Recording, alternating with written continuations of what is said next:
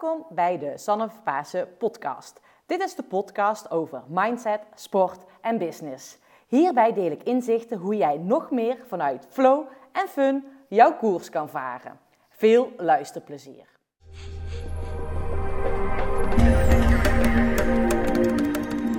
Lieve luisteraar, fijn dat je weer luistert. Vandaag ben ik in Os bij Puur Suzanne. En Suzanne is foodblogger en Suzanne, super tof dat je tijd voor mij vrijmaakt. Ja, en heel leuk. Leuk dat jij in mijn podcast wilt komen. Suzanne, mijn eerste vraag aan jou is: waar krijg jij energie van? Ja, van lekker eten. Lekker eten. ja, dat is het eerste wat nu in mij opkomt eigenlijk. Ja, dat is ook En- niet zo gek natuurlijk. Ja, en van daaruit is het denk ik ook wel eh, mijn blog ontstaan. Ja. Omdat ik gewoon van lekker nou, en goed eten en gezond eten hou. En daar ben ik heel erg nieuwsgierig, hè? want je hebt een, een blog en wij kennen elkaar ook eigenlijk al vanuit best wel een tijdje kennen ja, wij elkaar. vijf, vier, vijf jaar. Ja. Toen het online leven nog niet zo Niet zo- populair was als dat het nu is, denk ik. Toen zag het er nog heel anders uit dan Ja. dat het nu was. Ehm, jij hebt jouw blog, hè? ondertussen werk jij fulltime voor je blog, maar die ben je destijds van een passie is die ontstaan. Mhm, Klopt. Hoe ben je uiteindelijk, hoe is die passie voor voeding ontstaan? Nou, het is eigenlijk ontstaan omdat ik altijd last had van mijn darmen. En dat heet volgens mij officieel PDS of zo. Spastische darmsyndroom of iets dergelijks. Nou ja, het doet er eigenlijk niet toe hoe het precies heet. Dokter zei dat op mijn zestiende of zo tegen mij. Mhm. En toen eh, zei hij, ja, daar moet je maar mee leren leven. Ja, accepteerde ik niet helemaal. Dus toen ben ik gaan, ja, gaan eh, experimenteren met voeding.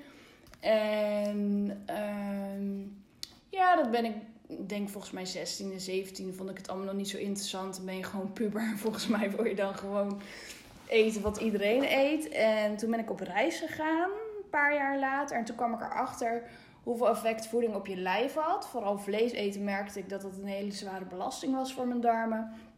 En eh, ja, toen ben ik gewoon gaandeweg gaan onderzoeken wat voor mij werkte. En toen vijf jaar geleden, of zes jaar, ik weet niet meer precies, toen was Instagram net een beetje opkomend. En toen ging ik daar fotootjes delen van mijn eten. En het waren wat gezondere dingen dan normaal. En toen gingen mensen vragen van, hé hey, Suzanne, wat is het recept? En toen dacht ik echt letterlijk, oh, dus misschien handig als ik een website maak. En toen zei ik tegen mijn vriend, ja, verzin eens even een naam. En toen verzon hij de naam. En toen Puur heb ik gewoon- Suzanne? Ja. En toen hebben we hier samen die website aangemaakt. En zo is het eigenlijk ontstaan. En gewoon eigenlijk omdat andere mensen aan je vroegen, oké, Wat eh, is het recept? wat is het recept? Ja, of hoe doe jij dat? En toen ben ik daar gewoon over gaan vertellen. Ja. Maar omdat ik Instagram niet helemaal handig vond, omdat je dan, ja, die recept kon je dan niet handig terugvinden, of kon ik niet handig naar mijn moeder sturen. ja. En zodoende is het ontstaan. Oh, dat is wel cool. En dat is ook wel gaaf, want jij bent inderdaad echt ook via Instagram eh, Ja. begonnen. Gewoon Ja. foto's te maken van je eten, van Ja, ja, ja. Maar hier op deze tafel. hier, ja, deze achtergrond van deze tafel, die herken ik ook nog inderdaad van heel veel foodfoto's. Ja, ja. dus hier. Dus hier is het allemaal begonnen. En jij zegt, hè, je, je had een spastische darm. Ja. Heb je daar nu nog steeds last van? Of ja, Zelden. wanneer merk je dat je er weer last van Ja, krijgt? als ik te veel brood eet. Echt Mhm. als, ik gewoon, als ik gewoon niet op mijn voeding let. Dus echt, ja, te- wat bij mij, ik merk gewoon dat ehm, ja, tarwe, dat het heel belastend is voor mijn darmen. Ehm, zuivel gaat ook niet heel goed bij mij. En zo zijn een aantal dingen. En als ik gewoon daar niet op let en merk dat ik dat te veel doe. Mhm. Of als ik heel veel stress heb, dan speelt het op. Speelt het op, ja.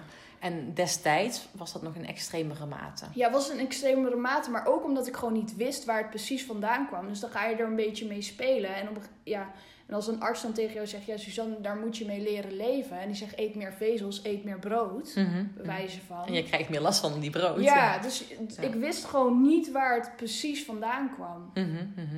En, dat, en daardoor en weet je dan ook niet goed waar je, hoe je het moet herstellen. Als ik nu voel opkomen, denk ik van oké, wat is de reden dat het gebeurt? En dan ga ik kijken hoe ik in ieder geval kan zorgen voor verlichting. Ja, En dan is het met een halve dag is het over. dan moet je eens kijken. Maar ja, vroeger had ik gewoon weken last. Ja. En had ik gewoon, ja, denk een zes maanden zwangere buik voor mijn gevoel. Want Oh, je had echt- alles, ja, alles zette op. Oh. Het zette echt op. Oh, Oh, dat doet ook echt, ja, dat Ja, ook dat echt doet niet echt prettig. pijn. Het doet doet- echt pijn. Pijn, maar ook voor je zelfvertrouwen denk ik ook wel iets dat het doet qua... Als je merkt dat je zo'n opgezette buik hebt. Ja, dat ik gewoon niet zo bij zijn zo. daar, had, daar had ik eigenlijk daar ik nog minder last van. Maar- Het is meer gewoon die pijn, dat het gewoon niet fijn was. Ja, maar dat is puur door onwetendheid. Ja, maar ook gewoon onwetendheid van jezelf. Want je, je, je wordt als kind niet uitgelegd wat precies wel en niet gezond is. Wordt ook niet heel erg uitgelegd hoe je naar je lijf moet luisteren. En ook door een arts die gewoon zegt... Ja, Suzanne, daar moet je maar mee leren leven. Ja. Maar dat is sowieso bijzonder, hè? Van hoe de medische wereld in Nederland in elkaar steekt. Ehm, dat, ja, je moet er mee, leren leven. Maar ook, ik vind het ook altijd bijzonder dat iedere arts voor hun eigen parochie praat. Of voor hun Klopt. eigen... Of ze geven maar... specialisme. Ik kreeg volgens mij ook van die hele vieze zakjes. Die moet je dan wengen met water, meer vezels. Ja, als ik er nog aan denk, dan krijg ik rillingen. Oh, ja, en wat je dan met, allemaal met voeding kan doen. Ja. En dat is Ja. super interessant natuurlijk voor de luisteraars. Ja. Van dat ze zoveel meer met echt voeding kunnen experimenteren. En hoe gaaf is dat je daar uiteindelijk gewoon je werk van hebt kunnen ja, maken. dat is heel tof. Ja. dat is heel tof. Maar dat is, ben ik wel heel erg nieuwsgierig naar. Want we zitten nu dus in Os. Maar uiteindelijk kom jij niet... Jij komt uit de glazen, glazen, glazen stad te voelen. Ja, ja, ja. Ja. ja, ja het Westland. Westland. Ja. ja. Ja, en uiteindelijk ben je hier dus beland. Ja. Welke omwegen heb je allemaal gemaakt? ja, welke omwegen? Nou, ik ben daar opgegroeid. Ben tuindersdochter, dus ik ben wel opgegroeid met liefde voor groenten. Mijn vader is paprika-teler. Ehm, daar bewandelde ik eigenlijk een beetje het gewone pad. Ik was goed in economie en wiskunde. Dus ja, dan zeggen ze, ga maar iets met cijfers doen. Dat deed ik. Ik deed management, economie en recht. Toen bij de Rabobank beland, want hey, ik kon iets met cijfers. Werd ik toch wel een beetje ongelukkig op een gegeven moment. Daar een baan opgezegd, toen ben ik gaan reizen. Ga reizen. Ja. Waar ben je toen heen gegaan? Eh, Australië, Nieuw-Zeeland, China, Maleisië, Bali. Ja. En toen kwam ik terug. En toen heb ik volgens mij een jaar in een kledingwinkel gewerkt. En toen had ik ondertussen een relatie met Dennis, mijn huidige vriend nog steeds. En ehm, toen ben ik verhuisd naar Os voor hem. Voor hem. Je bent dus ja. Echt- voor de liefde ben ik verhuisd. Naar, echt helemaal naar Brabant. Ja. Helemaal naar een andere... ja, andere provincie. ja. Ja, en andere, tenminste, wat ik altijd heb ervaren, maar misschien mag ik dat niet zeggen, dat is ook wel een stukje andere mentaliteit. ja. Hier ten opzichte van daar. Klopt. Heb je Ja. daar aan moeten wennen? Nee, ik vond het heel fijn. Ik, ik, toen ging ik wel weer bij de Rabobank werken, want ik dacht van oké, ik ga dus verhuizen. Wat kan ik heel goed? Nou ja, daar werken. Dus laten we daar maar gewoon weer eh, beginnen. Dat is dan iets makkelijker. Dus toen ben ik bij de Rabobank weer terechtgekomen. En ehm, nee, vanaf dag één was het één warm bad. Dus nee, ik, eh, Fijn. ik heb er echt nooit aan moeten wennen. Het is wel bijzonder. Echt nooit. Bijzonder, hè? Want jij zei in dit voorgesprek al, waren we even samen met kletsen, toen zei je al, ik heb eigenlijk best wel hè, grote stappen voor sommige mensen genomen Ja, in mijn leven.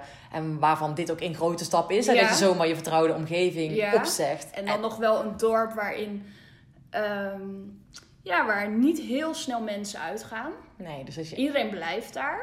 En- Bijna iedereen. Ik denk 90% of zo. Die zullen niet heel snel eh, verhuizen. Want ja, het Westland, dat, daar word je geboren en daar ga je dood. Dat is een beetje de insteek daar. en Dus ja, hebt, dat is wel een stap. je hebt echt gewoon je eigen pad gevolgd. Yes. En wat maakte in jou dat jij... eh, Hè, je, je gaat echt voor je eigen keuzes. Ja. Ik bedoel, ik, in mijn omgeving kom ik ook mensen tegen die dat echt heel, heel moeilijk vinden. Mhm. Maar waarom merk, dat, merk jij dat dat jou zoveel brengt?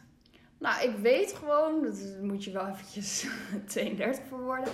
Maar ik weet gewoon als ik eh, iets anders ga doen, omdat mijn omgeving het verwacht, krijg ik gewoon last. Ik krijg Ja. gewoon last van mijn lijf. Dan, Ja. dan, dan- Dan ga ik je ik, darmen weer- ja, dan gaan mijn darmen werken, ik krijg migraine, ik blokkeer aan alle kanten. Het is zelfs zo erg dat mijn hele rechterkant, die gaat gewoon, die, die gaat gewoon verlammen bijna. Ja, serieus? Ja, want je zo erg? Ja, dan gaat de stress gaat hier zitten. Ja. En dat trekt helemaal door van boven naar beneden. Dus ja, weet je.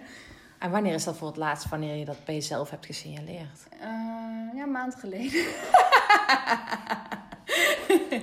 Dan zit je Toen moest er ook weer ergens een stekker uit. Ja. Ja. en dan trek ik het eruit en Ja. dan, eh, dan is het klaar. En dan merk je dat je... Dan moet het wel even... Loopt het op? Want dan loop je dan Ja, waarschijnlijk wel even onbewust mee. op. Ja, dat, Ja. dat gaat niet altijd... Ik, weet je, het gaat ook niet altijd natuurlijk eh, bewust. En dan kan je nog wel heel goed ontspannen en dat soort dingen doen. Maar ja, soms gaat er gewoon iets. Dus ja, ben gewoon heel gevoelig. En dat is wel er- ergens wel te zegen. Want ik weet gewoon als Ja. ik eh, andere dingen ga doen dan... Ja. Ik kan gewoon niet meer dan. Nee, ja, dan merk je aan je lichaam. Maar in zo'n geval, als je, als je je rechterzijkant uitvalt, zeg maar, dan is het best nou wel ja, vet. uitvalt. Het is in Ja, ieder in geval, ieder geval ik functioneer nog wel, functie- maar het, het wordt gewoon een hele verkrampte kant. Ja, maar dat dat verkrampt raakt. Eh, heb, heb je dan van tevoren ook nog signalen dat je denkt, achteraf gezien, "Hmm, misschien had ik al eerder die signalen moeten nee, luisteren? Nee, denk ik niet helemaal. Het is gewoon een soort noodrem. Dat is een noodrem, nu Ja, kan het gewoon niet meer. Het is eh, klaar. Het is klaar, ja. En wat doe je dan als je dan zo'n moment hebt en je denkt van oké, er moeten keuzes gemaakt worden. Je hebt waarschijnlijk keuzes gemaakt, maar uiteindelijk, hoe zorg je dan weer voor dat je die batterij weer opgeladen hebt? Ehm, dat gaat wel snel hoor. Als ik dan die keuze maak en dan is het ook wel heel snel klaar. Ehm, waar laat ik van op? Wandelen met mijn hond. Ja, ben je? daar ligt te slapen. Ik hoop dat hij blijft slapen. Ehm, ja, of gewoon een avondje Netflixen. Lekker. Of gewoon. naar een festival gaan of naar een concert gaan. Het is net. Dat soort dingen. Ja. Maar het is net waar ik behoefte aan heb. En Mhm. als ik echt merk, zeg maar, als ik nu... Als ik aan het werk ben en denk van, oh, het is te veel. Pak mijn hond, ga ik naar het bos. En dan ga ik een uurtje wandelen. En dan denk ik, oh ja, daar zit het in. En dan ga ik het oplossen. Ja. Dus dat is eigenlijk beetje hoe het werkt. Oh. Nu bij mij. Fijn man, dat je ook met die hond, eh, dat je, dat je ook echt gewoon daardoor echt naar buiten kan ja, gaan. dat is heel fijn. Ja, maar je bent dus weer bij de Rabobank en we zijn eventjes eh, een zijspoor. Zijspoor, Een ja. zijspoor, eventjes terug naar de Rabobank. Ben jij in Os ook bij gaan werken, weer bij de ja, Rabobank? maar was niet eh, hier in Os, was in Sint-Oederode, maar wel in ieder geval in Brabant. En daar ben ik gaan werken als zakelijk adviseur, Mhm. bedrijvenadviseur. En ehm, ja, in die tijd is ook mijn blog ontstaan. En toen is jouw blog, dat creatieve... Ja, toen kwam dat er opeens uit dat ik dat heel leuk vind. En dan ging ik me daarin ontwikkelen. En dacht van, oh, die foto's zijn niet mooi. Dus dan ga ik maar een fotografie-workshop doen. Ook snapte ik van WordPress. Dus dan ging ik filmpjes kijken. En zo ging ik eigenlijk alles ontwikkelen. Ja, oh, super. ja, dat is wel mooi hoe dat gaat. Ja, En dan, hè, want je hebt nu, je zei het net, echt enorm veel bezoekers per maand. ja Hoeveel? 100.000. 100.000. Stel je voor, die kunnen hier niet Ja, eens voor op echt plein. niet- ja, dat wil ik echt niet. Mijn vader zei dat ooit een keer toen we bij een concert in Ziggo Dome. Zei hij, ja, zoveel mensen, keer drie of zo, ik weet niet meer toen. eh, komt er dus op je blog. En toen dacht ik echt... Oh, Oh, what the fuck. Volgens mij keer twee dan. Ik weet Ja. niet hoeveel. Hoeveel kunnen er in Ziggo? Ja, ik weet het niet. Maar in ieder geval heel veel. En dat ik daar echt zo stond en dacht... Oh, dat vind ik best wel heel veel. En dat vind ik eigenlijk best wel eng dat er zoveel mensen zijn. Ja, dat is best veel. Ja. Daar sta je af en toe niet bij stil. En dat je dingen aan het Daar moet je creëren ook maar bent. niet aan denken. Nee, dat er zoveel mensen dan... Ja, maar dat is eigenlijk wel echt een hele prestatie. Want je komt natuurlijk van... Ja, zes, zes jaar geleden zei je volgens mij net. Vier Ja, het, ik weet het niet precies. Ik denk vijf of zes. Ja, dat je gewoon begonnen bent met je blog. En naar 100.000 bezoekers toe werkt. Eerst in combinatie met je baan. Mhm, klopt. Hoe deed je dat op die, in die beginperiode? Nou, het was echt een hobby, hè. Dus het was, ik vond het gewoon zo leuk om te doen. En dus ja, ik deed dat gewoon. Ja. Dus het is niet van, oh, tijd voor maken. Ik vond het gewoon zo leuk en ik kreeg daar zoveel energie van. En eerst ging het natuurlijk wel ietsje makkelijker. Dan had ik avondeten gekookt. En dan zet ik het op tafel en maakte ik een foto met mijn telefoon. Ja. Dus dan gaat het nog wel een beetje... Maar ja, dan ga je op een gegeven moment ontwikkelen. En dan ga je echt kookdagen inplannen. En dan ga je echt met een camera fotograferen. Dus dan moet je er wel iets voor tijd voor vrijmaken. Volgens mij werkte het bij de Rabobank... Ja, ik werkte daar wel fulltime. Maar het was daar vier keer negen werkte je dan. Ah, dus dan, had ja. ik één dag in, dus dan was ik Ja. één dag daarmee bezig. En in het weekend eigenlijk wel. Ik was er altijd mee bezig. ja, dat werkt. Zo is het. En vooral met je passie. Dan Ja, dus ja, hoe doe je dat? Ja, ik vond het gewoon heel leuk. Mhm. Het was gewoon mijn prio 1 ongeveer. Cool, ja. En hoe is dan die... Ja, wat was het moment dat je besloot van... joh, die baan bij de Rabobank... daar ga ik afscheid van nemen? Nee, daar heb ik geen afscheid van genomen. Ze, ze hebben afscheid van mij Ah! genomen. Ehm, ik had drie keer een jaarcontract. En ze gaven toen geen vaste contracten. Dus dat hebben ze mij toen ook niet gegeven. Toen dacht ik, ja, maar die blog, dat, dat wordt hem echt nog niet. Ik moet gewoon, ik moet me echt, er moet wel meer bezoekers en moet wel beter. Wil ik daar echt mijn baan van kunnen maken. Dus toen ging ik toch maar weer een baan zoeken. En ehm, toen ben ik bij Heineken gaan werken als planner van de technische dienst. Ik dacht, ja, dat vind ik, ik vind plannen leuk, dus toen. En toen ben ik er daar zo ingerold. En toen heb ik dat anderhalf jaar gedaan, volgens mij. En toen heb je wel zelf... Ja, toen heb ik wel zelf de keuze gemaakt. Ja? Want, toen voel, want dat was sowieso eh dat was super leuk om te doen. Was mijn droom niet, was ook de ambitie niet. Maar ik wilde gewoon uit de bank willen. Want ik dacht, daar gaan we nooit meer naar terug. Dus er moet iets anders. En toen kwam dat op mijn pad. Ja, mijn vriend werkte bij Adecco en die zei ja, bij Heineken zoeken ze nog iemand. Toen heeft hij me voorgesteld. En eh, ja, dus zo ben ik daar gaan werken. En ik wist van, nou ja, het is niet mijn droom, maar het is wel super leuk, super tof bedrijf. En ik was als uitzendkracht, dus ik dacht, ik kan twee dingen doen. Of ik kan gaan wachten tot zij zeggen, hé hey, de uitzendperiode houdt op. Of ik trek zelf de stekker eruit op het moment dat Dat is goed. ik dat wil. Dus dat heb ik gedaan. Ja, en toen ging het ook als een trein met je blog op dat moment. Dat, eh, want, want je gaf aan, bij de tijdens de Rabank had je nog niet zo goed gevoel van... Joh, nee, dit, nee, eh, nee, er wat, nee, ik verdiende er volgens mij helemaal niks nog mee. Ik wist dat hele zakelijke eh, deel van het bloggen snapte ik nog niet, wist ik niet hoe dat ging. Ja. Dus, eh, maar toen op het moment dat ik wegging bij de Rabobank, ging ik daar ook wel meer onderzoek naar doen. En toen heb ik me volgens mij ook net ingeschreven bij de Kamer van Koophandel. En toen ging ik dus bij Heineken aan de slag. En toen ging ik dat meer ontwikkelen en kijken. En toen had ik, denk ik, in februari een doel gezet van... Ik wil een buffer voor vier maanden hebben op dat moment. En ik wil zoveel bezoekers hebben. En als ik dat allebei heb gehaald, dan trekt die stekker eruit daar. En toen... Ja, dan haal je dat natuurlijk. Ja. Zo werkt dat. Zo werkt En toen heb ik mijn baan opgezet. Ja, ja, ja. En ik kreeg daar ook wel heel erg de ruimte hoor. Want ik, het lijkt nu alsof ik daar echt alleen maar fulltime aan het werk was. Maar dat was al niet meer zo. Ik had daar wel gezegd van, ja weet je, dit is wel wat ik echt wil gaan doen. Dus mag ik vier dagen werken. En soms werkte ik er drie of zo. Hè. Mhm, mhm. Dan had ik een projectje dat ik voor mijn blog kon doen. En dus zij hebben me ook wel echt enorm geholpen. Gaaf. Om je naar die droom toe hebt. te gaan. Ja, ja, ja, ja, ja. Ja, dus je bent echt gewoon eigenlijk als het ware een plannetje gemaakt. Hoe kan Ja. ik voor die droom van mijn blog helemaal Ja. gaan? En wat heb ik aan, ja, wat heb ik aan, ja, wat heb ik voor mezelf nodig? Privégeld en dan keer vier had ik het volgens mij gedaan. Ja, dus gewoon je qua salaris of je Ja, zeg maar een soort van salaris. buffer. Ja. Ja. Ja, dat Ja. je dan in ieder geval nog ruimte hebt. ja, dan dacht ik van dan heb ik in ieder geval ruimte om, eh, stel dat het nog niet gelijk goed gaat of niet lukt, dan heb ik in ieder geval niet die paniek van oh shit, als er geen geld binnenkomt. Nee, ja. Dat geeft wel heel veel rust. Want dan kan Ja. je echt vanuit eh, je, je, ja, je, ja, je, je doet dit vanuit je passie. Mhm. En op het moment dat je niet die druk hebt van ik moet geld verdienen, creëer je denk ik ook leukere content. Ja, dan is het leuk- ook, ja, want anders dan komt er gelijk al een hele zware druk op je te liggen. Ja, Dus dan had ik in ieder geval volgens mij vier maanden. Ik weet het zelf eigenlijk niet eens meer precies. Dan had ik in ieder geval speelruimte Ja. voor mezelf. Dat ik dacht van, nou ja. ja, gaaf. En jij hebt het net al even over doelen. eh, en straks liet je ook al tussen neus en lippen eh, vallen van... joh, ik heb eh, dit jaar al, eigenlijk al mijn doelen al gerealiseerd. Ja, ben eigenlijk wel heel erg benieuwd. Hè? Je bent dan iemand, hè, ik zag net ook al doelen plannen. heel Dat- erg, ja. dat je met heel erg met doelen stellen Ja. bezig bent. Waarom helpt dat jou zo, die doelen? Nou, anders dan ben je maar gewoon wat aan het doen. Ja, En dan, ja, dan voel ik, weet je, ik heb, ik heb geen baas.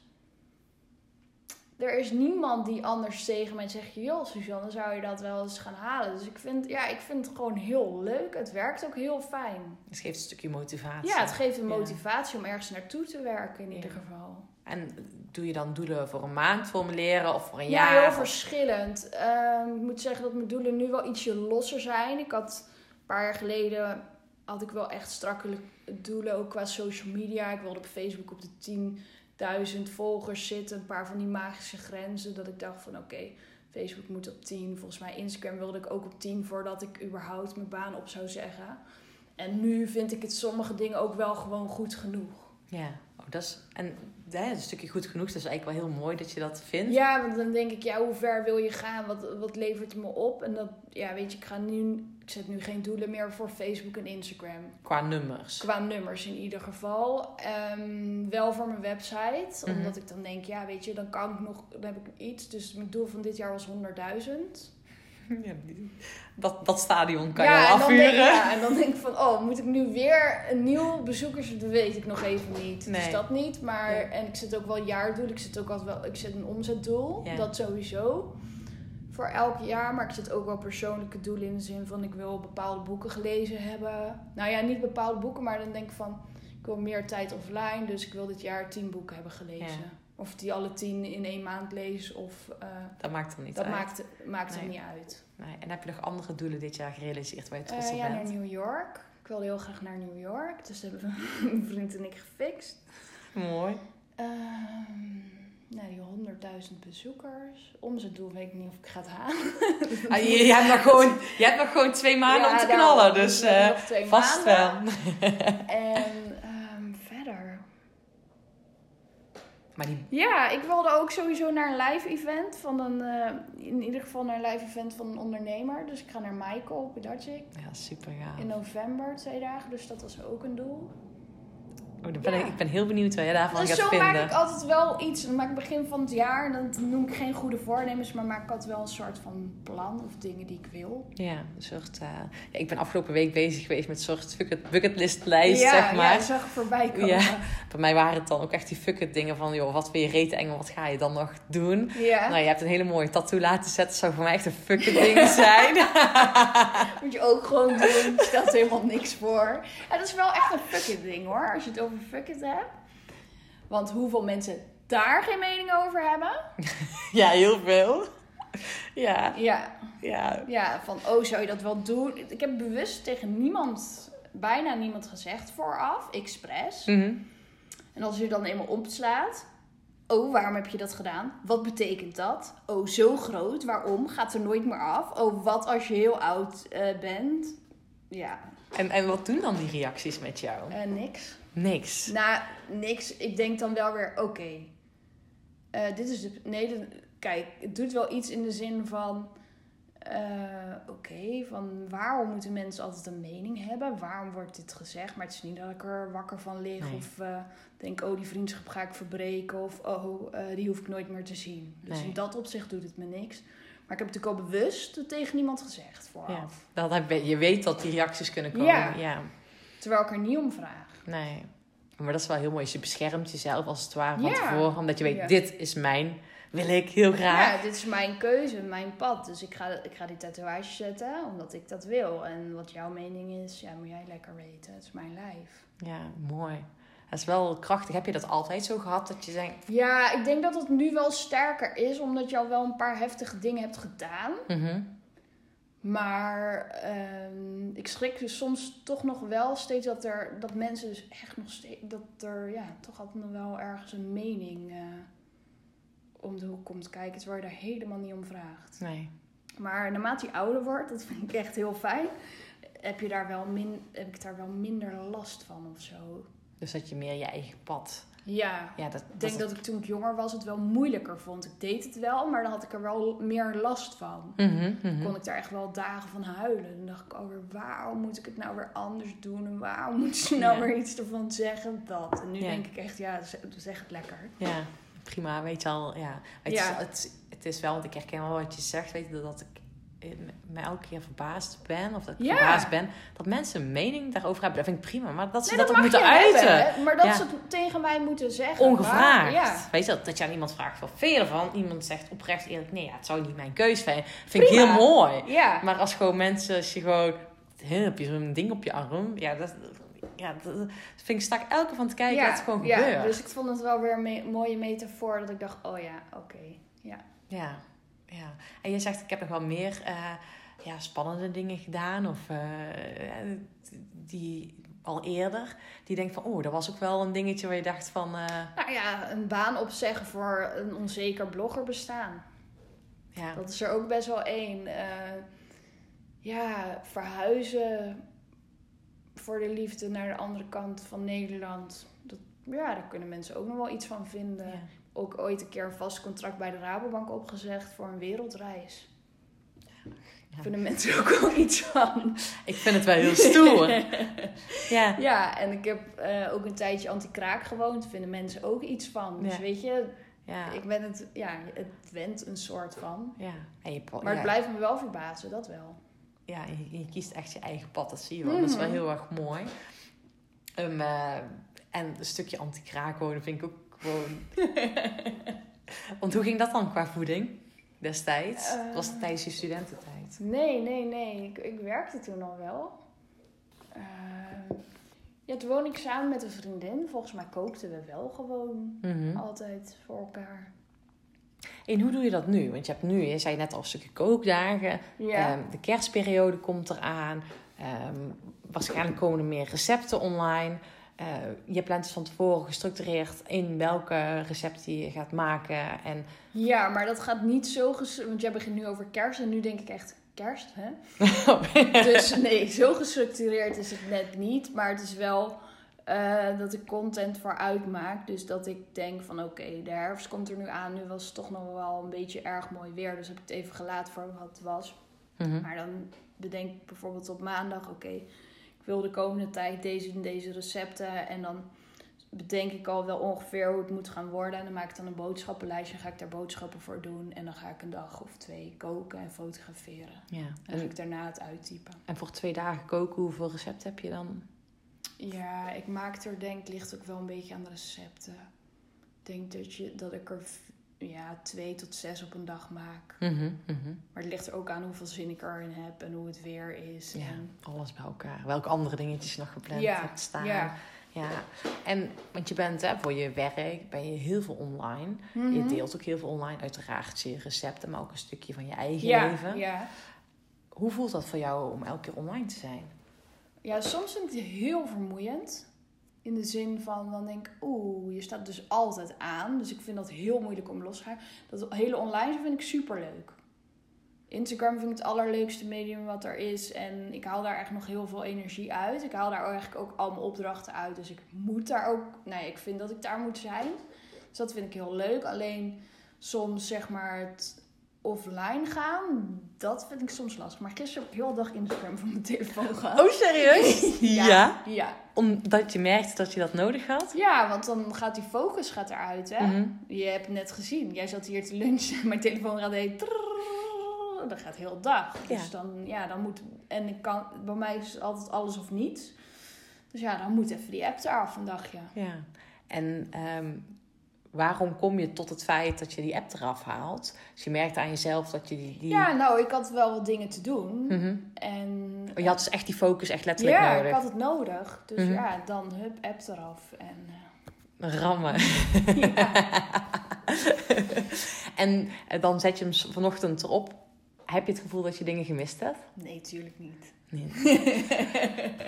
dat, vraag ik me dan wel eens af. Nee, je mist... Je denkt dat je iets mist. je denkt dat je iets mist, ja. Ja. Maar de- denk je dat het dan ook een soort van verslaving is? Ja, dat is het. Dat is het. Ja. Maar wat maakt dan dat het een verslaving is? Ja, mij is het... Ik, ja, ik denk dat ik wel een soort van verslaafd eraan ben. Mhm. Maar ja, het is, mm, het is een combi van dingen. Want het is bij mijn werk. Het is inspiratie. Mhm. Het is connecten met anderen. Ik denk dat wij zelfs elkaar, misschien Twitter, maar of via Instagram hebben Ja. leren kennen. Dus ik haal er ook echt heel veel uit. Ja. En Ja. dat maakt het, het is niet één ding. Kijk, ik weet niet hoe het is voor als, je, als Instagram niet bij je werk hoort. Ik weet dan niet Nee, hoe dat nee dat klopt. hoe dat zou zijn, dat weet ik echt niet. Maar voor mij is ja, werk. ehm, mijn volgers die willen iets van me weten, dus daar wil ik op reageren. Ehm, ik zit zelf, vind het gewoon leuk om te kijken. Ik wil connecten met mijn collega's, met mijn vriendinnen. Dus het is voor mij heel veel, waardoor ja, dat wel een soort verslaving is Ja. of zo. Ja, en dat is ook wel het lastige natuurlijk. Want soms Ja. is het gewoon werk beantwoorden van je volgers. Althans, zo voelt dat voor mij, zeg maar. Als ik die berichtjes ga beantwoorden. Echt even nadenken. Ga ik echt even, oké, hoe kan ik hen helpen? En dan ga ik, dat voelt voor mij echt als werk. Maar gewoon het zelf, zeg maar, af en toe in geïnspireerd worden. Want Vind ik vind echt het tof. ook heel leuk om andere ondernemers op Instagram stories dingen te zien die ze doen of dat soort dingen. Ja. En dat is heel gaaf. Ja, en dat is heel tof. Dus dat vind, blijft voor mij echt heel lastig. Ja. Mm, En ehm, je hebt geen, maar heb je met jezelf ook bepaalde afspraken? Nee, Dus nee. Tot s'avonds laat, 's ochtends vroeg, Nou, telefoon. mijn vriend die zegt wel eens van, nou, kan het ding weg? Oké, nou. Dus als we samen gaan, Netflixen of zo, dan gaat hij wel weg. Maar dan, is er plaspauze of zo. Van, dan moet ik even Instagram pauze hebben. Zoiets. Nee, ik heb er niet heel erg... Ja, wel één ding. Telefoon is niet in de slaapkamer. Ja, oh, dat is wel fijn. Ja, slim. En eh, als ik opsta, dan ga ik altijd eerst een glas water drinken. En dan ga ik daarna wandelen met mijn hond en dan neem ik de telefoon niet mee. Dus dat is wel een regel. Oh, dat is ook zeg maar fijn. iets. Ja. Maar het is niet, ik ga mezelf niet, nee, je mag niet op je telefoon. Nee, hou Nee, op. Nee. Nee. Maar dat zijn toch wel dingetjes die je voor jezelf inplant om s ochtends rustig Ja, de dag te beginnen. Ja. Want anders dan word je helemaal een soort, eh, Ja, geleefd. ja. Maar nee, ik kan niet helemaal zeggen dat ik daar hele strakke afspraken over heb. Maar ik kan ook niet zeggen dat ik het helemaal onder controle heb of Ja. zo. Nee. Ik kan me maar voorstellen dat het ook extra lastig is als je eigen ondernemer bent, dat je ook alleen bent. Of dat je alleen Benja, de hond, als collega Ja, hebt. ja. Dat ja. het lastig is om daar die structuur in te houden. Want eh, ben je op zelfbewust gedurende de dag bezig? Oké, hoe is mijn energieniveau en hoe kan ik mijn energieniveau verhogen of nou zit Ja. hij laag? Hoe, hoe doe je dat? Of hoe, ehm, hoe manage je dat? Of hoe bouw, je Nou ja, ruimte in? Ja, het komt bij mij in ieder geval. Ik begin mijn dag sowieso met een wandeling met de hond. Dus ik ben 's ochtends al een uur buiten. Dus dat is wel dat ik, ja, dat zorgt in ieder geval dat ik ehm, ja, vol energie aan de dag begin. En hoe ik dat verder manage, ja, door gezond te eten. Maar soms ook gewoon wel echt denken, ja, fuck, ik heb gewoon echt zin in chocola. Dus ik ga gewoon nu chocola eten. Er komen natuurlijk ook best wel vaak van die pakketjes binnen met eten en zo. Dus dan eet ik wel eens ook gewoon iets ongezond. Maar de basis probeer ik wel echt te houden. Nou, in ieder geval, s ochtends een wandeling, smiddags een wandeling met mijn hond. Ehm, en door wel echt, ja, dag vaak wel te beginnen met een groene smoothie. Soms wel eerst koffie hoor. Maar dan wordt het moment dat ik dat. Ja, ik ben niet echt een ontbijter, dus ik doe vaak dan wel eerst koffie. En dan later op de dag maak ik wel echt een gezond ontbijt. En dan met een groene smoothie of ik ga een omelet bakken. En, ehm, ja, en ik manage dat ook wel door gewoon echt gezonde dingen in huis te ha- Mhm. halen. Ja, Dus dat slim. als ik ga lunchen, dat dat ook gewoon echt iets gezonds Ja. is. En mijn blog is natuurlijk ook mijn stok achter de deur. Ik maak wat gezondere recepten. Ja, Ik zal ook niet heel snel ongezondere dingen maken. Dus nee. als ik dan een kookdag heb, dan eet ik Ja. misschien wel wat te veel of zo. Ja. Maar het zijn wel gewoon dingen die mij Ja. voeden. En het is geen ja. Ik, vulling. Ik moet, dat, daar heb je maar gelijk. Ik moet nog wel even lachen. Dat, dat is alweer best wel een tijdje geleden. Ehm, heb jij een recept op eh, online staan van je nachos? Oh ja, dat dat is heel erg. Dat is, bijna, dat, is, dat is eigenlijk een van de weinige ongezonde of Ja. minder gezonde Ja. recepten. Ja. En een van de populairste recepten op je blog volgens mij. Ja, zo is er ook nog wel een Oreo-taart hoor, met kerst. Ik bedoel, het is Oh niet dat ik Nee. anti-snoepen ben of zo, maar het voelt... Weet je, ik, er is al zoveel ongezonde rommel in de wereld. Het voelt dan voor mij niet heel goed om dat keihard te gaan promoten. Dus ik maak liever gewoon Ja. een voedzame avondmaaltijd voor Ja. mijn blog dan... eh, Ja, maar daar sta je ook eigenlijk voor, Ja. voor Suzanne. Dus dat is, eh, snap ik ook heel goed dat je dat doet. Maar ik weet nog gewoon dat ik dat... Ja, maar die is ook vol- volgens mij nog steeds. Ik durf bijna niet in de statistieken te kijken, maar die is echt nog wel heel populair. En waarom durf je niet in de statistieken te kijken? Nou ja, ik durf niet, weet je, het is niet dat ik het helemaal ga targeten, maar meer dat ik denk, oh, ik doe heel erg mijn best om gezond eten te promoten en dan gaat iedereen dat Ja. Het meest lezen ja. en maken. Ehm, eh, dat kan me helemaal voorstellen. Ik zie de laatste tijd dat, bij jou ook, eh, dat je heel erg met een stukje duurzaamheid bezig bent.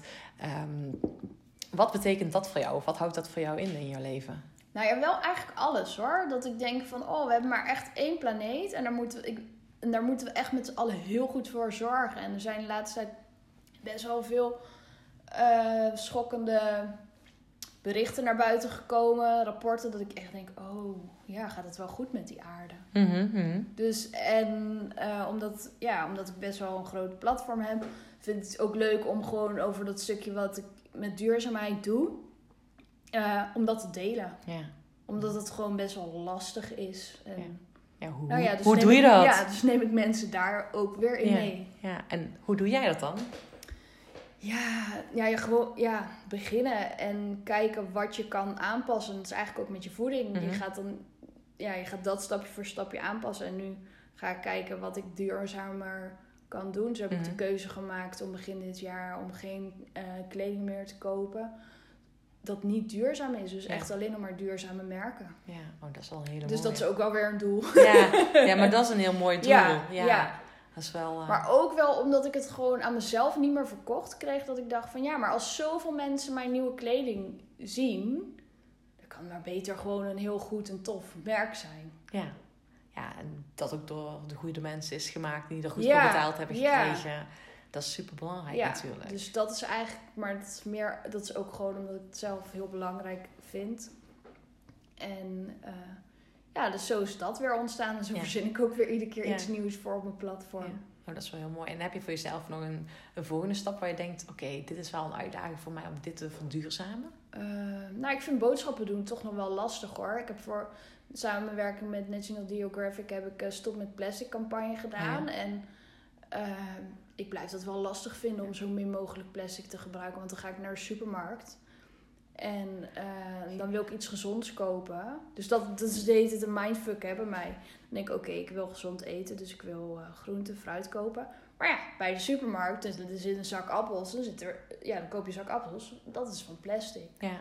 Dus dat blijf ik wel, dat blijft een uitdaging. Ja.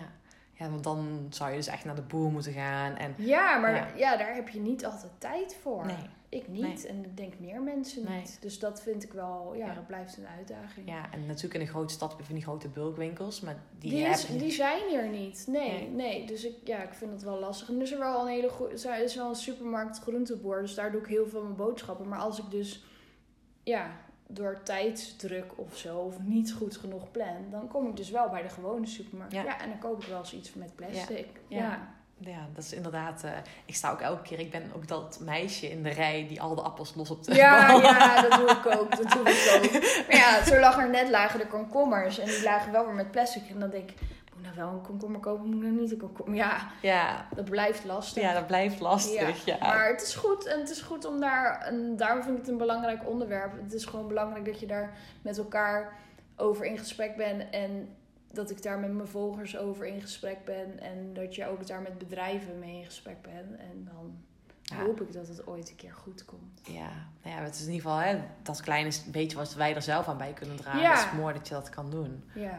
Tenminste, tenminste ik vind dat zelf. eh, het is inderdaad vooral dat plastic is echt een Ja. enorme uitdaging. Ja, het is echt een uitdaging. Wij verzamelen het apart in en je denkt, hoe kan het zoveel? Ja, het is ook heel veel. En ik let wel op heel veel dingen hoor. Ik zal nooit eh persoon zijn die bronwater in huis heeft. Mhm. Ik bedoel, prima het water uit de kraan, maar gewoon ja, van die kleine dingetjes. Zoals als je dan een komkommer wil kopen en die ligt dan toch in plastic. Ja, ja, ja.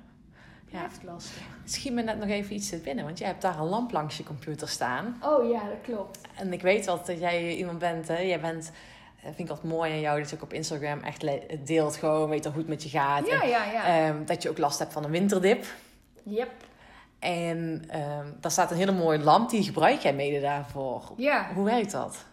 Ehm, ja, het is een daglichtlamp en die moet je 20 minuutjes per dag moet je daarnaast gaan zitten. Dus daarom staat hij daar en dan staat hij mooi naast mijn laptop. En dan eh, zorgt die in ieder geval dat je, eh, ja, dat je voldoende daglicht binnenkrijgt, waardoor je energie ook weer omhoog gaat. Ik moet zeggen dat ik hem nu bijna nog niet heb gebruikt. Nee, hoor. het is ik had nu, hem eh, pas was het meer, weer minder, dus toen had ik hem neergezet. Maar de laatste weken is er wel zoveel zonlicht dat Ja. het eigenlijk gewoon prima gaat. Ja. En nu is het ook nog echt gewoon heel erg goed Ja. natuurlijk. Maar je afgelopen winters heb je daar echt baat bij gehad? Ja, ja. Want ik ben meestal echt zo in januari, dan ben ik, word ik een beetje depressief. Altijd een beetje. Ja, dat klinkt echt heel zwaar misschien voor sommige mensen. Maar ja, dat is altijd een beetje wat bij me hoort. Dan is er gewoon te weinig eh, zonlicht. En dan, ja, dan Mhm. heb ik gewoon minder energie. En dat, ik dacht heel lang van, ja, ik mankeer iets. En weet je, ik heb sport toch en ik eet goed. En verdomme, waarom voel ik me dan zo matig, zeg maar.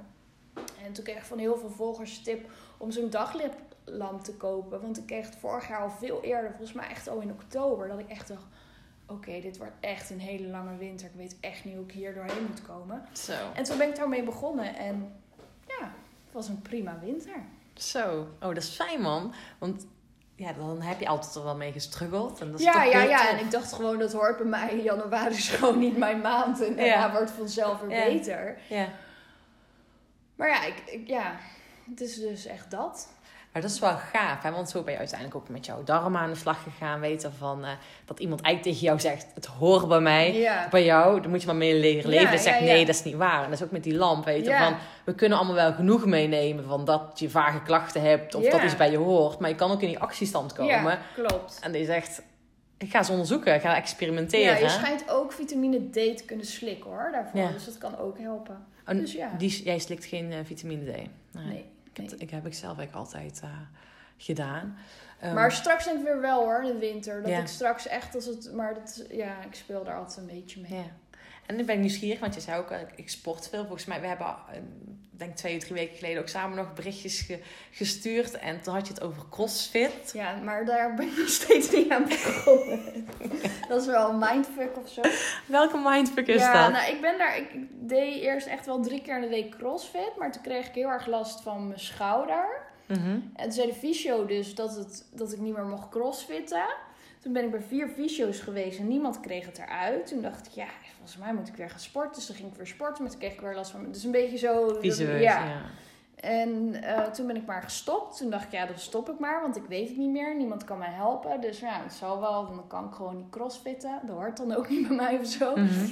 En eh, toen ben ik bij, nou ja, ik kon het toch niet loslaten, want ik had toch weer iedere keer last van mijn schouder.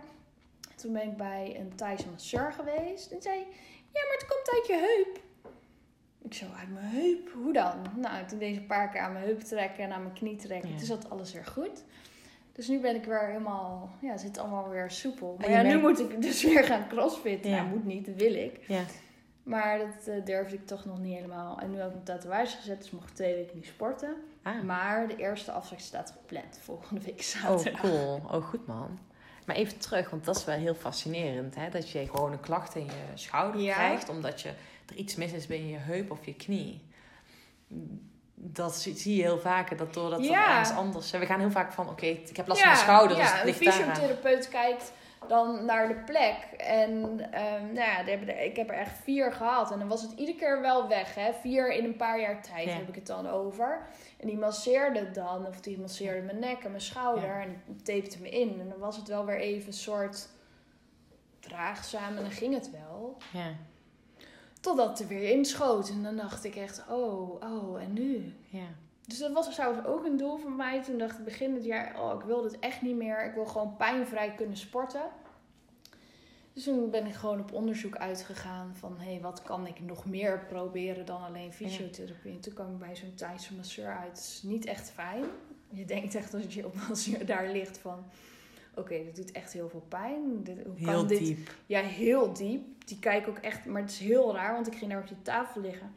En toen zei ze van, nee, nee, nee, je moet niet op je, op je buik gaan liggen, je moet op je rug liggen. En toen dacht ik echt, ja, het zal het zeker niet. Dus toen lag ik op mijn rug. Ik dacht op mijn rug, het zit aan mijn schouder, Ja, dus ja. waarom? En ehm, ja, dus toen gingen ze aan mijn knie zitten en toen duwden ze een paar energiebanen of iets met spieren, ik weet het niet. En toen ging alles stromen en toen Ja. dacht ik, oh ja. En voelde je het zelf ook meteen? Ja, gelijk. Ik denk Ja? dat het echt voor 70% minder was. Echt? Oh, wauw. Ja, En hoe lang had je daarmee gelopen? eh, drie, vier jaar. Serieus? Maar het klinkt nu wel misschien heel heftig. Hè? Het is natuurlijk wel Ja, op af. op, af of een beetje. En dan met fysio was het weer oké. Ja. En... Oh, dat is wel echt eh, geniaal dat dat dan gewoon werkt. Ja, maar zij kijkt, ja, zij, ze- ze worden ook allemaal opgeleid in Thailand. En zij kijken gewoon naar heel je lijf. Ja. En die gaan gewoon een beetje aan je trekken. En denken van, nou, daar is het niet helemaal lekker. En dan lopen ze een keer over je heen Ja. of zo. Ja, En dan eh, trekken ze een keer aan je arm en dan een keer aan je teen. En dan, is het goed. Ja. ja. Maar dat is wel heel gaaf, weet je. Ja, maar daar merk je wel echt het verschil ook tussen de westerse wereld en hun wereld. Ja. ja, want wij kijken, wij doen vaak gewoon een probleem willen we Ja, oplossen. Maar we, maar we gaan ja. niet naar de oorzaak toe. Ja. En, eh, want misschien, ja, het is drie, vier jaar geleden, dat weet je misschien wel niet meer. Maar ik weet nog vanuit mijn sport, als ik dan bijvoorbeeld een keer gevallen was, Ja. dan bleef ik ook wel vaak gewoon doorfietsen. En dan kreeg ik ook last van mijn nek en zo. Maar het Ja. lag niet aan mijn nek, het lag gewoon aan mijn rug en aan, mijn, Ja. aan mijn heupen.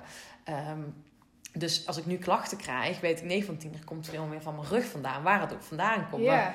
Weet je, zelf kan je misschien nog wel eens weten van... Oké, dat komt omdat ik een keer gevallen ben. Of Ja. een keer gewoon gestruikeld ben over dat Ja. stoepje. En dan heb je jezelf een keer opgevangen. En dat is dan door blijven sudderen. Omdat je...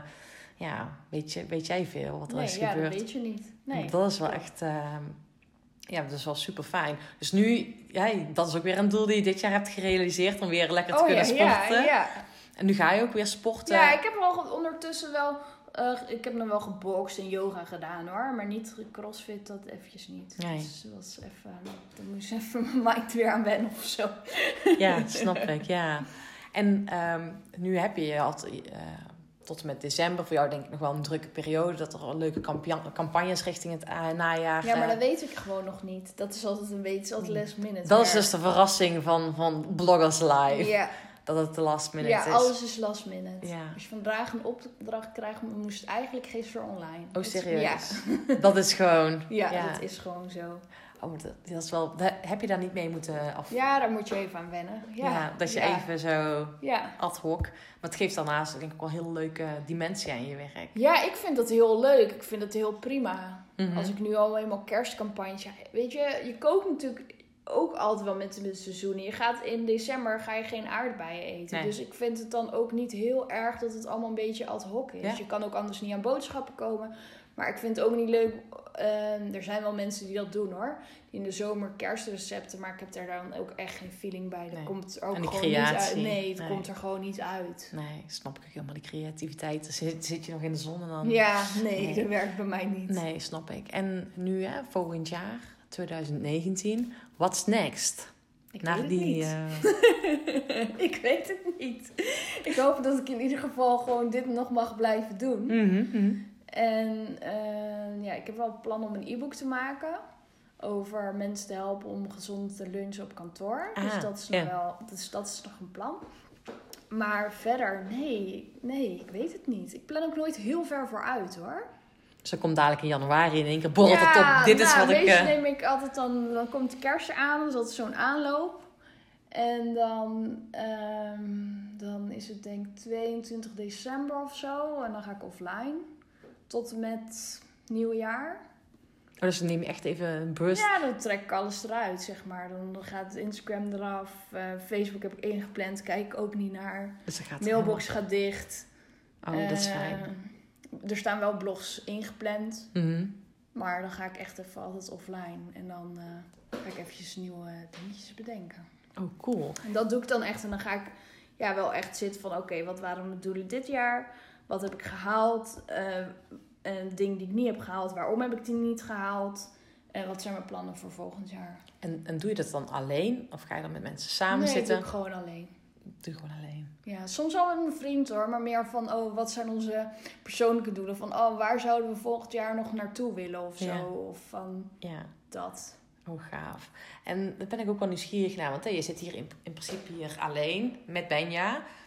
Hoe zorg jij ervoor dat je die verbinding blijft houden met andere ondernemers? Of eh, misschien heb, heb je ooit wel behoefte om te sparren? Of Ik misschien heb, juist niet, ik heb daar niet zo behoefte Ja, of misschien juist niet, ja. Nee, ik ben echt heel graag alleen. ja. Ik vind het echt heel fijn. Ehm, ik heb natuurlijk wel collega-bloggers. Ik moet wel zeggen, daar connect ik mee via Instagram. Er zijn ook altijd wel ehm, die ik bel. Ja. Dus dat wel. Maar ik ben echt wel heel veel alleen. En Ja. ik vind het echt heel fijn. ja, fijn is dat. Ja, ja. Dus je bent zo wel happy dat je je werk zo hebt ingericht. Ja, al ben ik nu wel aan het kijken voor een kantoor in Os om toch eh, iets geconcentreerder te werken. Mhm. Maar dat heeft eigenlijk meer te maken met dat ik het lastig vind om eh, zeg maar werk echt helemaal los te laten. Ik denk dat je dat als ondernemer nooit helemaal doet. Nee. Maar het is soms bij mij wel zo dat ik echt denk, dus ik s'avonds een keertje in het weekend of zo wil een keertje Netflix en denk, oh, ik zit nog steeds op kantoor. Ja. Of Ja. zo, een beetje. Dus dat is de reden. Maar het, heeft niet, maar het is niet de hoofdreden dat ik ehm, alleen ben en dat ik met eh, mensen wil sparren. Want zoveel mensen, zoveel meningen. Ja. En daarnaast heb ik nog wel eh, met mijn zus en nog met een vriend, Tom, ehm, doen wij met z'n drie altijd wel zakelijke dingen overleggen. Dus dat doe ik wel. Ja, oh, dus heb je wel een soort van mensen waar je gelijkgestemde op zoekt om even een keer Ja, creatieve ideeën dus of plannen uit te werken. dat wel. Ja, oh, dat is wel gaaf. Maar ik heb ja. ook wel geleerd dat je niet te veel meningen van anderen moet vragen. Het is goed om en dat je wel goed moet nadenken met wie je je plannen overlegt. Dus ik hou altijd wel heel graag dingen bij mezelf. Ja, nou, maar dat vind ik wel heel gaaf. Want je zei in het begin van dit gesprek, gaf je ook echt duidelijk aan van, weet je, ik maak keuzes op basis van mijn gevoel. Als ik dingen eh, moet doen van een ander, dan werkt het niet, dan blokkeer ik ook. Ja, dan, Dus- dan, dan- ja. En dat geldt dus ook voor de plannen die je hebt, weet je. Ja. En dat is waarschijnlijk de reden waarom je die tattoo niet tegen Janne Alleman hebt gezegd. Want je weet gewoon dat, ja, weet je, ik ga het toch gewoon doen. Dus het Ja. maakt helemaal niet uit wat de rest ervan vindt. Nee, dus zelf met een e-book, daar heb ik ook echt...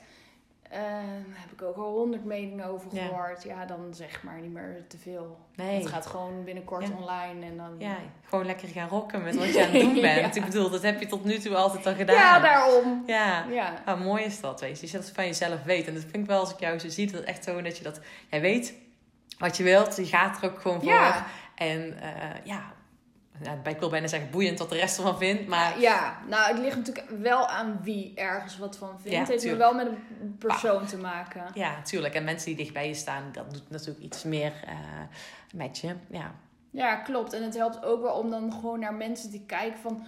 ehm, vanuit welke intentie zij reageren. ja, Er zijn ook heel veel mensen die gewoon uit angst reageren. Ja. Maar dat is hun eigen angst en die, die willen je beschermen. En als je Ja. dat weet, ja. dan, dan denk je soms wel ook deel het wel. En als je dan zo'n reactie krijgt, ja, dan denk je, ja, maar die reageert hierom Ja. zo. Dus Dat vind ik, wel, vind ik wel leuk wat je dat zegt, want dat herkende ik pas bij mijn ouders. Ja. Dat ik iets vertelde. eh, of ik denk dat toen ik mijn baan opzij of zo, zal je dat wel gaan doen of zou je niet dit? En dan denk ik, ja, het is altijd pure bescherming Ja, wat zij is echt doen. bescherming. Dat is echt Ja. alleen maar uit liefde. Ja, zij willen alleen maar dat jij het beste hebt. En zij zien ook wel dat je het gelukkig bent, maar Ja. toch vinden ze het onzeker voor je. Ja, ja, mijn vader en moeder zijn daarin altijd wel een mooie spiegel. Mijn moeder zegt altijd, zou je dat wel doen? Weet je dat wel zeker? Ja. Dus zij reageert altijd heel erg uit angst. En mijn vader vraagt altijd, eh, Suzanne, ben je gelukkig? En dan zeg ik ja. En dan zegt hij, oh, ik ook. Die reageert altijd zo. Die spiegelt hem altijd daar aan. Dus dat is echt super mooi. Mijn moeder reageert altijd zo en mijn vader zo. Ja, oh, dat is mooi. Ja, dat is echt heel grappig. Oh, dat is wel mooi. Ja, maar dat is ook wel mooi in hun relatie dan. En fijn dat ze dan, eh, ja, En mijn moeder is dan daarna, die, die reageert dan wel uit angst. Maar daarna appt ze natuurlijk wel dat ze het super leuk Ja. vindt en dat ze trots op me is. Dus, maar ja. daar merk je van, het is gewoon je angst. Ja. Je eigen angst die je nu op mij projecteert. Ja, en wat, wat ik pas ook heb herkend is, maar ik weet niet of jij dat ook ooit ziet, dat sommige mensen ook reageren uit jaloezie. Dat, dat mensen iets tegen je zeggen en je denkt, is dit nou van jou of is dit nou van mij? Weet je, dat, dat, Ja, dat, dat gebeurt ook. Ja. is ook best, wel- ik vond, ik vond ik in ieder geval best wel bijzonder. Ik in één keer dacht, wat schrijf jij nou? En dacht ik, hè? Je hebt natuurlijk ook wel eens met volgers of zo. Hoe groter je online wordt, dan kan je natuurlijk ook altijd wel iets meer negatieve reacties. En dat is ook vaak ja, een soort jaloezie of Ja, zo. hoe- Of, ja, of mensen willen, ja, of het echt jaloezie is, ik weet niet. Die vinden het ook gewoon leuk om je onderuit te halen in de hoop dat zij daardoor... Denk je dat mensen dat leuk vinden? Nou ja, niet leuk. Ik denk dat het gewoon een soort patroon is. Die denken dan van, oh, als ik haar onderuit haal. Mhm. Ik denk niet eens dat ze het zo op die manier denken, maar...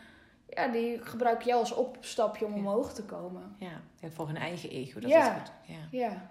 En hoe ga je daarmee om als je iets minder positieve berichten krijgt? Eh, blokkeren. nee, het ligt wel echt aan de reactie. Ehm, is het echt inhoudelijk van is deze Suzanne waarom dit of dat? Dat is wel een heel ander gesprek dan. ehm, ik ben vegetariër trouwens. En ehm, ik deelde een aantal feiten onlangs over de vleesindustrie. Maar meer ehm, was niet foto's of iets. Het was echt gewoon een feit hoeveel water het kost. En toen kreeg ik echt een reactie. eh, oh, jij wil echt de boeren kapot maken. En echt onaardig. Ik ga je nu ontvolgen. Echt? Ja. Ja. Ja, dat gebeurt. En dan moet ik eerst denken, had, "Eh, waarom doet zo iemand dat? En Ja. daarna denk ik, oké, Suzanne, eerst even laten, dus dan laat Ja. ik het. Ja. Maar meestal hou ik die persoon daarna wel even onderuit op Instagram. Dat is niet heel aardig. Ook dat. ja, maar dan niet met naam, maar dan laat ik wel aan de rest van mijn volgers zien van... hé, hey, eh, dit is wat er gebeurt. Ja. En de reden dat ik deze feiten over vlees eh, deel... is omdat dit gewoon de waarheid is. Ja. En als je daar niet mee kan dealen, ga maar gewoon weg. Ja. Ja. Ja, maar dat, ja, maar dat is zo is het ook. En ik vind het prima, terwijl ik ook echt ehm, een boer heb die mij volgt. En daar heb ik altijd super mooie gesprekken mee. Dus het ligt ook wel aan hoe iemand reageert. Als jij gewoon inhoudelijk een verhaal met mij begint of gesprek, dan is het helemaal goed dat je het niet met me eens is. En ik wil ook helemaal niet dat iedereen het met me eens is. Of dat je stuurt, ja, Suzanne, ik vind het echt stom, want je wil alle boeren kapot maken. Dan kan je al geen Ja. gesprek meer Nee, hebben. dat is al meteen kom- gesloten, Ja, ja, dat is al ja. gesloten. Want dat, dat is het voor jou. Althans, eh, die inschatting maak ik helemaal niet. Weet je wel, het gaat... ehm, ja, ik vind het wel heel mooi dat mensen elkaar in de waarde laten. En dat je dat zo vindt. Of eh, zo vindt. Dat mensen die keuze maken, is helemaal prima. En Ja. alleen, het is toch prima dat mensen gewoon, ja, Kijk, als jij vlees wil eten, prima. Maar ga dan niet zeggen eh, dat die...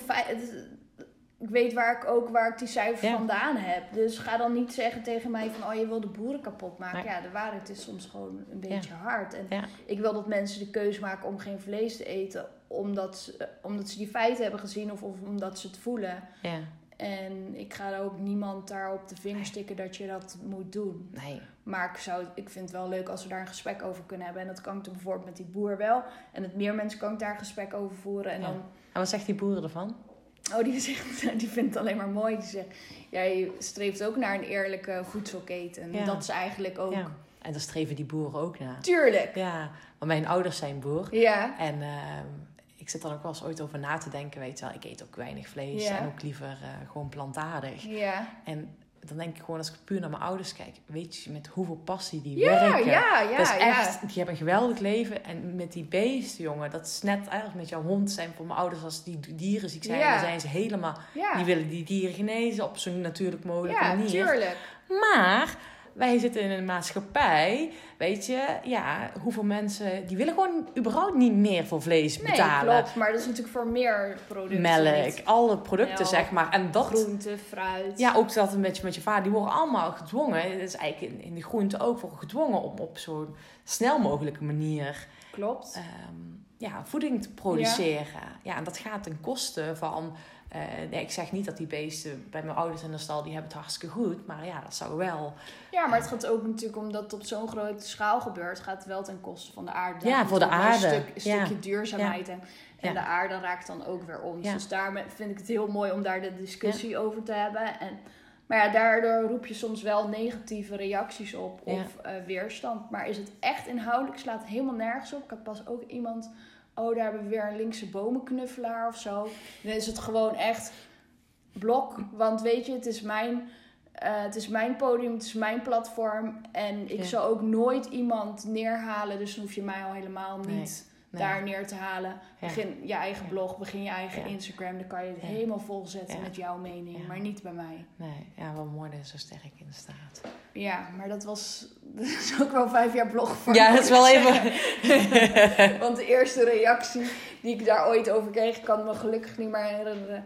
Dan liet ik het gewoon mijn vriend typen. Hè? Want dan wat zat ik zo vol in de emotie. En zei ik, Ja. maar ik kan hier echt niet meer normaal op reageren. Nee. Wil jij het typen? Ja, ja, maar dat snap ik. Dat, dat is ook zo. eh, dat dat ook moet groeien, weet je. Dat je er afstand van kan nemen. En dat, ja, dat het niet bij jou ligt, maar bij die ander. Dat meer over die ander iets zegt. En dat, ja.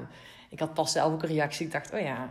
eh, en toen merkte ik ook vooral, weet je, want ik merk dan ook van op het moment dat jij bijvoorbeeld in de winter minder goede dag hebt gehad en je krijgt zo'n reactie, komt die reactie bam binnen. Ja, die komt Maar- keihard binnen. Ja. Keihard. Want dat vergeten mensen ook. Je bent uiteindelijk ook gewoon een mens Ja, hè? achter dat scherm. Ja, en jij kan inderdaad ook gewoon een keer een minder goede dag hebben. En dan Ja. komen die... En op het moment dat je goed lekker in je vel zit, mooi weer is, naar buiten bent geweest, net hebt gesport en je krijgt die reactie en je denkt, ja prima, dit, is, van jou, eh, laat maar. Ja. Ja. en het moet ook wel zeggen dat je daarin groeit hoor. Als je er een paar hebt gehad, dan kan je daar wel iets makkelijker mee omgaan. Ja, en je krijgt ook heel veel leuke reacties Ja, meer, veel meer. Ja, Maar ja. dat is dan weer raar. Die, die, ja, natuurlijk, die blijven ook hangen, maar Ja. de negatieve die blijven Ja. dan iets meer. Iets meer... eh, ja, iets meer hangen. Ja, Ja. Dat, dat snap ik. Ja. Maar wel mooi dat je zulke mooie volgers hebt. Want die, de- die delen dan, ik zie wel eens ooit dingetjes voorbij komen, recepten van ja, je. ja, en- ja, ja. Ik heb echt superleuke volgers. En denk ik al, ja, daar ben ik echt heel blij mee. Ja, dat snap ik. Ja, maar eh, honderdduizend mensen die gewoon je blog bezoeken. Ja, en dan heb je ook nog stille volgers natuurlijk. Daar heb je er ook heel veel van. Ja, die gewoon eens een keer een lekker receptje maken. Ja. En eh, ja, maar dat is heel mooi. Dat je die en mensen... heb je ook gewoon nog in je e-mail natuurlijk reacties. Ja, er zijn ook mensen die gewoon e-mailen van... Oh, ik heb een lekker recept Ja, gemaakt. ja, ja, ja. Ja, oh, dat is leuk. Of door jou heb ik eh, nu al twee dagen vegetarisch gegeten. En dan Ja? ik, yes. Ja, dat is mijn doel. Ja, Dan. wauw.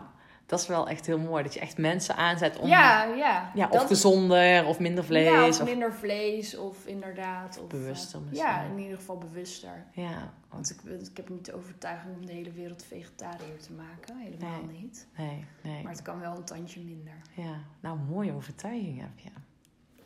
Ik heb nog een paar vragen aan jou, Oké, vertel, vertel. Pa- Drie afsluitende vragen. Oké, Dan mag je de zin afmaken. oké. Mijn grootste droom is. Ik weet het niet. Eh, wat is mijn grootste droom? Eh, ja, ik denk toch wel dat we de aarde iets beter voor de aarde gaan zorgen met z'n allen. Maar dat is eigenlijk meer mijn wens voor de wereld. Eh, die heb ik ook. Hier staat letterlijk, ik wens de wereld. Ja, nou, meer, ja, gewoon dat we beter voor deze planeet zorgen, zodat onze volgende generatie ook een toekomst heeft. En mijn droom voor mezelf is denk ja, een huis in het bos. Lijkt me wel heel leuk, ooit. Die heb ik ook. ik wil ook heel graag in het bos wonen. Terwijl ik heel dicht bij het bos woon. Ja. Dus maar, en of het echt pers ja, nee, dus dat is wel iets, of aan de rand van het bos, Ja. dat is dan wel... Oh, mooi. En ik geloof in. Mm, ja, liefde denk ik dan maar. Mooi. Liefde. Ja, Ja, ja, dat is het mooiste om vanuit de liefde te creëren, Ja. dingen te doen. ja, En dan ook vooral die liefde voor jezelf. Tenminste, dat is, eh, vind ik zelf ook altijd Ja. belangrijk. Maar daar ben jij volgens mij ook goed mee bezig. Om die liefde aan jezelf te geven. Zodat je met je website toffe content... Ja, maar weet je, ik denk dan altijd wel van... Als ik niet voor mezelf zorg, dan stort mijn hele bedrijf in. Ja, Dus ja, dan moet ik toch wel echt zelf eerst goed in mijn vel zitten. ja. Ja, dat is het allerbelangrijkste. Ja, maar dat is ook wel lastig hoor. Want je gaat toch ook wel weer makkelijk over een grens heen. Oh, nog even, we doen nog even dit. Oh, we Mhm. doen dit er nog Mhm. even doorheen. Mhm, Of... mhm. Dus, maar vind je dat omdat dan jouw ego denkt van... Ik moet het nog allemaal doen. Die toch Ja, die, of het echt mijn ego is, ik weet dat nooit. Het is ook gewoon een soort drive. een Dat stukje je... streberigheid. Ja. Oh, en hup, ik heb altijd wel geleerd, hup, doorpakken, hup, niet zeuren, gaan. Dat is een hele mooie eigenschap, totdat je... Ik doe mezelf graag altijd tot de grens en dat gaat prima. Maar ik moet altijd leren om er niet over te gaan. Mhm, mhm. En dat blijf ik wel een uitdaging vinden. Dus niet over de grens heen gaan. Ja, tot Ja. de grens. Tot de grens. Op blijven staan. en weet je ondertussen de, resulta- of, eh, de signalen die er bij jou afgaan? Dat ja, je... dan gaat mijn lijf... Gaat, eh, Maar dan zit je er overheen. Ja, maar ik, ja, nee, ik weet niet. De voor weet ik nog niet zo goed. Nou, dan ben ik... Dat is een uitdaging voor 2019. Suzanne, waar kan iedereen jou volgen?